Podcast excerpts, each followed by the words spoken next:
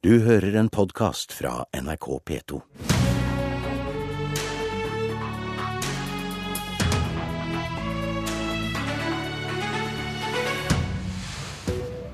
Jeg hadde en plan A. På Stortingets siste dag skulle jeg spørre betyr det egentlig så mye om det er Høyre eller Arbeiderpartiet som styrer landet?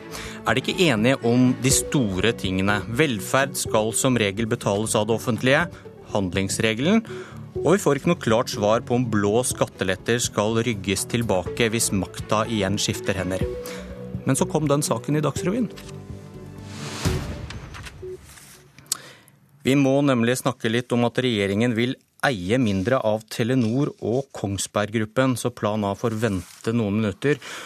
Og kanskje synet på statlig eierskap vil vise at det betyr noe hvem som styrer. Parlamentarisk leder i Høyre, Trond Helleland, velkommen. Takk. I dag kommer regjeringen med eierskapsmeldingen. og Hva oppnår man ved å selge seg ned til 34% i Telenor og Kongsberg Gruppen, slik dere vil? Det oppnår større fleksibilitet for selskapene, samtidig som vi sikrer at hovedkontorfunksjonen blir i Norge. Ved negativt flertall så har eh, både eh, Telenor og, og eh, Kongsberg Gruppen sine hovedkontor i Norge. og Det er viktig. Samtidig så har da selskapene større fleksibilitet.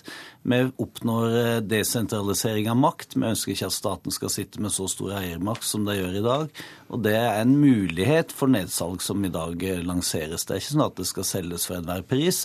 Det blir en vurdering som skal gjøres. Men dette er viktige selskaper for Norge, men det er ikke så viktig at staten trenger å sitte med over halvparten av aksjene. Og så kan dere kanskje få inn nesten 50 milliarder til f.eks. skattelette?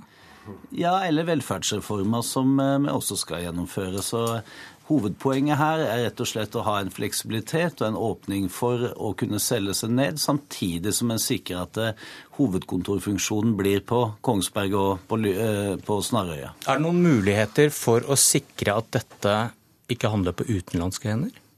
Ja, det er jo, altså Aksjene kan jo handle, havne på andre hender enn norske. Jeg syns det er veldig interessant å se på Kongsberg, fordi at Kongsberg våpenfabrikk måtte jo restruktureres. Der oppe var det 4500 ansatte. Nå er det over 8000 som jobber i industrien på Kongsberg. Mange av de eh, selskapene som opererer der, er 100% utenlandskeid, men de er på Kongsberg fordi at det er sterk teknologiklynge, og Kongsberg Gruppen er motoren i dette. De vil bli på Kongsberg fortsatt fordi at det er så mye dyktige folk som jobber der oppe. Nestleder i Arbeiderpartiet, Helga Pedersen. Hvorfor reagerte dere med å stemple dette som blind ideologi i går?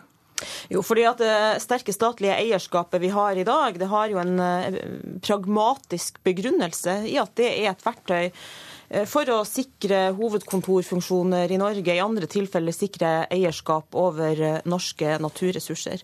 Og jeg må si jeg reagerer veldig på argumentet om at dette er å desentralisere makt. Det du gjør her, er jo å selge eh, ut eierposisjoner som det norske fellesskapet eier i dag, til verdens børser. Og aksjene for det her kan jo havne hvor som helst. Ja, men eh, Hva er problemet med det, så lenge vi har hovedkontorfunksjon i Norge? Telenor opererer over hele verden, det gjør Kongsberg Gruppen også. Det er kompetente bedrifter, det er folk med ekstrem kompetanse som jobber i disse selskapene, og staten vil fortsatt sitte med en avgjørende makt i forhold til dette med hovedkontorfunksjon. Eh, Arbeiderpartiet er vel ikke helt ukjent med å selge ut aksjer verken i Statoil eller Telenor eh, fra tidligere. Det som er viktig, det er at vi sikrer hovedkontorfunksjon, og at vi sikrer at dette er sterke lokomotiv i norsk næringsliv som fortsatt skal være viktig for kompetansebyggingen her i landet. Kort, kort til det, Helga Pedersen. Hva skal du med disse 50% er det, er det fordi det blir vanskeligere å oppnå oppnå politiske mål gjennom statlig eierskap? Altså, som eh, Høyre sjøl her påpeker, så snakker vi nå om to verdensledende selskaper på sine felt. Det har de blitt med det statlige eierskapet vi har i men, dag. Men svar på spørsmålet hvorfor skal dere ha over 50% og ikke 34 som da sikrer hovedkontoret, f.eks.? Det er jo sånn at med, den, med, det statlige eierskapet eh, vi har i dag, så er det ulike begrunnelser for hvor mye vi eier i ulike selskaper. og Det vil variere fra selskap til selskap i tråd med eh, eierskapsmeldinga. Poenget med det sterke statlige eierskapet vi har i dag, er at du kan sikre hovedkontorfunksjoner, og du kan også drive aktiv eierskaps- og eh, næringslivspolitikk. Og Med det så har vi jo fått flere verdensledende statlig eide selskaper. Vi har sikra kontroll over norske naturressurser. og det er den pragmatiske pragmatiske tilnærminga vi ønsker å videreføre også for fortsettelsen. Regjeringen må som kjent ha hjelp for å få flertall, og Venstre har vel vendt tommelen opp, så det ser lyst ut. Hva med dere, Hans Olav Syversen, parlamentarisk leder i KrF. Ser du noe blind ideologi i studio her? Eh, jeg får se på de to ved siden av meg, så ser det jo ikke ut som det er helt blindt. i hvert fall. Jeg oppfatter egentlig at både Arbeiderpartiet og Høyre generelt er ganske pragmatiske i forhold til statlig eierskap. Det som er viktig for Kristelig Folkeparti, er hva som er bra for selskapene, og dermed også de som jobber i disse selskapene. Hva skal vi gjøre for å utvikle dem og sikre eh, arbeidsplasser i Norge? Så vi skal lese meldingen. Den er jo ikke kommet ennå, det er noen lekkasjer. Eh, og så får vi vurdere hva vi syns syns er eh, riktig å gjøre, ut fra nettopp den målsettingen, å sikre selskapene. Telenor eh, er et selskap dere kjenner godt. Kan du si noe der om det er lurt å selge seg ned eller ikke? Jeg vil ikke si det på stående fot, for vi er faktisk der hvor vi ønsker å vurdere det som regjeringen kommer med og se om det holder stikk i forhold til det andre kan vurdere, og hva vi selv selvfølgelig vurderer. Men vi har ikke noe ideologisk sperre mot å, å bidra til at andre eiere kommer inn. Men vi får se hva som er lurt for selskapet. Jeg tror det er en lur tilnærming fra KrF å faktisk lese eierskapsmeldingen før den konkluderer som Arbeiderpartiet gjør. De har jo konkludert før de har sett ei eneste setning i denne meldingen. Til slutt, Helland. Eh, Telenor, Kongsberg. Er dette bare starten?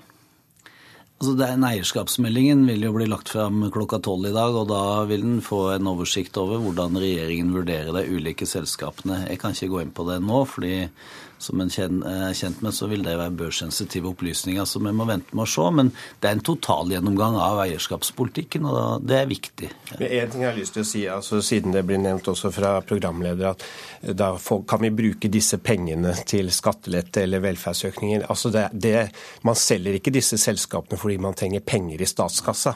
Det er helt annen begrunnelse, i hvert fall hvis vi skal være med på det.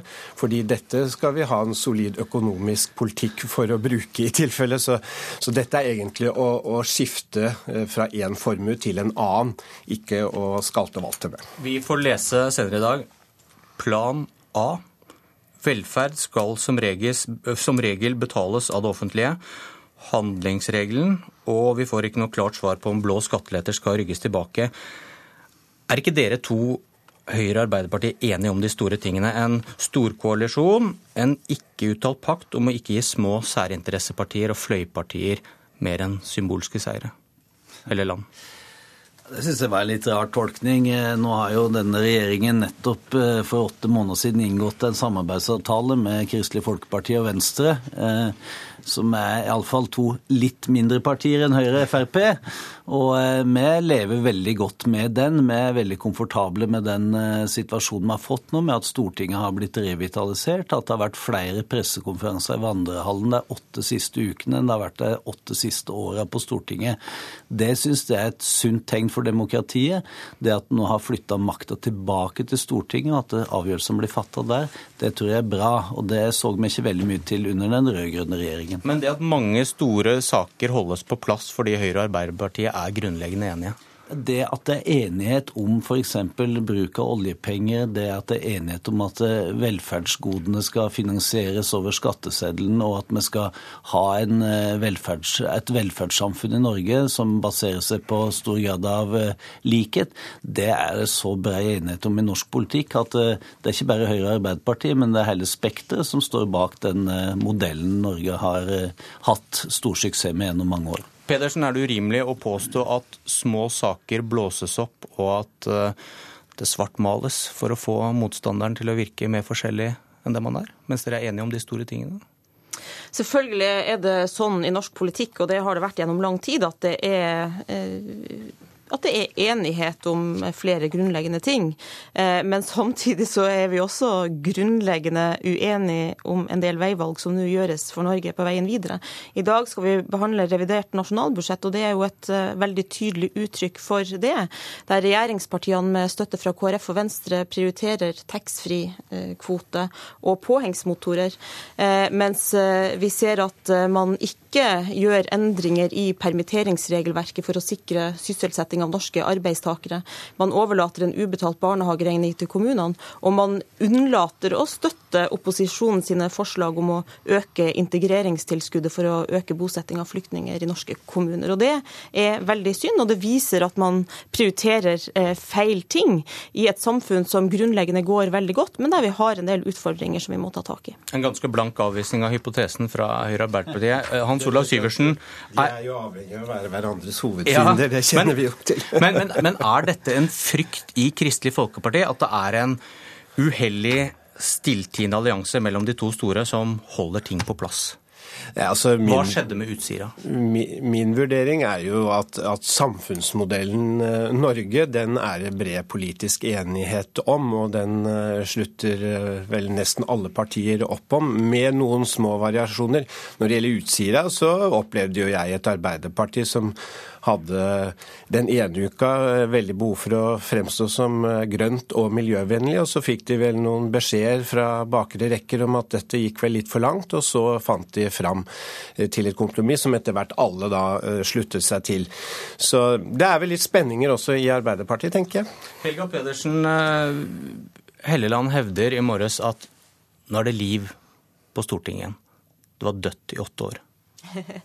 Ja, jeg, jeg, jeg syns eh, det var et interessant eh, utspill. For Høyre prøver jo her å fremstille det som eh, moralsk litt mer høyverdig at de ikke fikk gjennomslag for plan E plan A, som var en eh, flertallsregjering.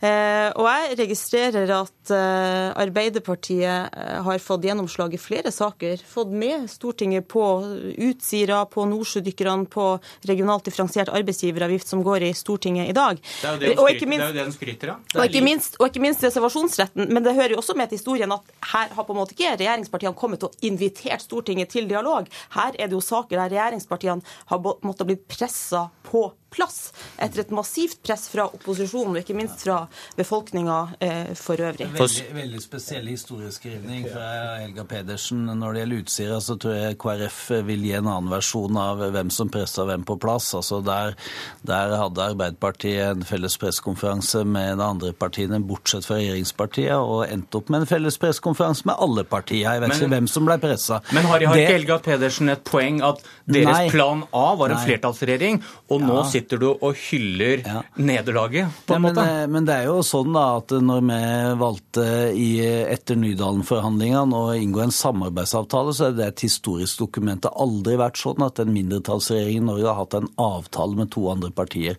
Da er det naturlig at Helga Pedersen ikke opplever, opplever så mye liv og røre, fordi at hun blir ikke invitert inn i de samtalene som vi har med Kristelig Folkeparti og Venstre daglig for å danne breie flertall på Stortinget. Og det har vi fått til. Hver eneste sak på Stortinget så har vi fått et flertall, og det er vi veldig glad for. At det da blir litt liv i Stortinget, det er veldig bra. Er ikke dette bare en konsekvens av at det er en mindretallsregjering, Syversen? Det er klart det at en mindretallsregjering må jo forhandle, så det, det er en naturlig konsekvens. Men, men det er jo spennende det er, ville, det er ikke en ville ting fra Høyre? Jeg tror nok Høyre først og fremst ville hatt en flertallsregjering, jeg er vel eh, ganske sikker på det. Men så har jeg lyst til, la oss ta litt ros nå mot slutten, da. Eh, Arbeiderpartiet ja, de har gjort en god jobb nå i finanskomiteen med saken saksordfører for regional eh, arbeidsgiveravgift for å, å sikre distriktene. Der har vi fått et flertall sammen med Arbeiderpartiet. Eh, nordsjødykkerne, der vil jeg faktisk gi rosen først og fremst til ansvarlig statsråd. Det er han som har løftet den saken. Så tror jeg vi fra KrF har lyst til å ta litt ros for at vi f.eks. i dag eh, får et vedtak som åpner for en bedre situasjon for Syrias flyktninger. Så det er mye i fellesskap vi kan få til også, ikke la oss glemme det, da. Pedersen rekker opp hånda. Har du lyst til å rose noen på slutten?